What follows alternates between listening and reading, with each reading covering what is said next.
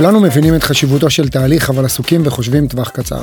מהגן ועד הפנסיה כולנו נדרשים לעמוד בציפיות וסטנדרטים של אנשים אחרים, וכתוצאה אנחנו מתמקדים בעיקר בפעולות שיביאו אותנו לתוצאות מהירות. העניין הוא שבדרך הילדים ואנחנו מפספסים הזדמנויות גדולות ואת השיעורים הכי חשובים בחיים.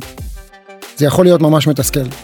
כמו על מגרש הכדורסל, כך גם בכל מגרש אחר בחיים, כדי לחוות את עצמנו כמצליחנים, אנחנו חייבים יותר מטכניקה בלבד.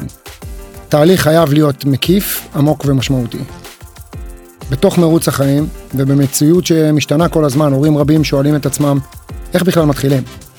אז נעים מאוד, שמי לירן בראל, בעלים של חברת Basketball Coaching שמלווה שחקנים ושחקניות כדורסל להיות טובים יותר על המגרש ומחוצה לו. אנחנו עושים את זה דרך חיבור בין המשחק שבו כל כך חשוב להם להצליח, לעולמות ההתפתחות האישית וכלים פרקטיים מעולמם של הגדולים.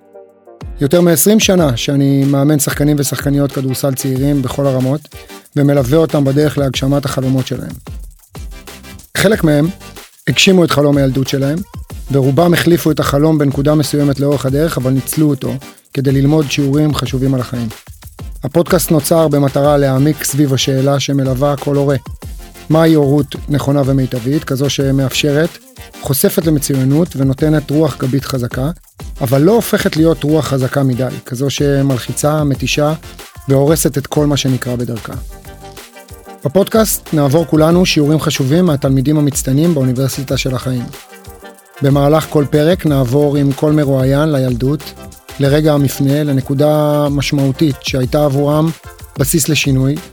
נבין מה המסר המרכזי שלהם בגידול ילדים, איך הם מגדלים את הילדים שלהם היום, או איך הם יגדלו את הילדים העתידיים שלהם, מה הערכים המרכזיים ואיך הם באים לידי ביטוי בחיי היום-יום.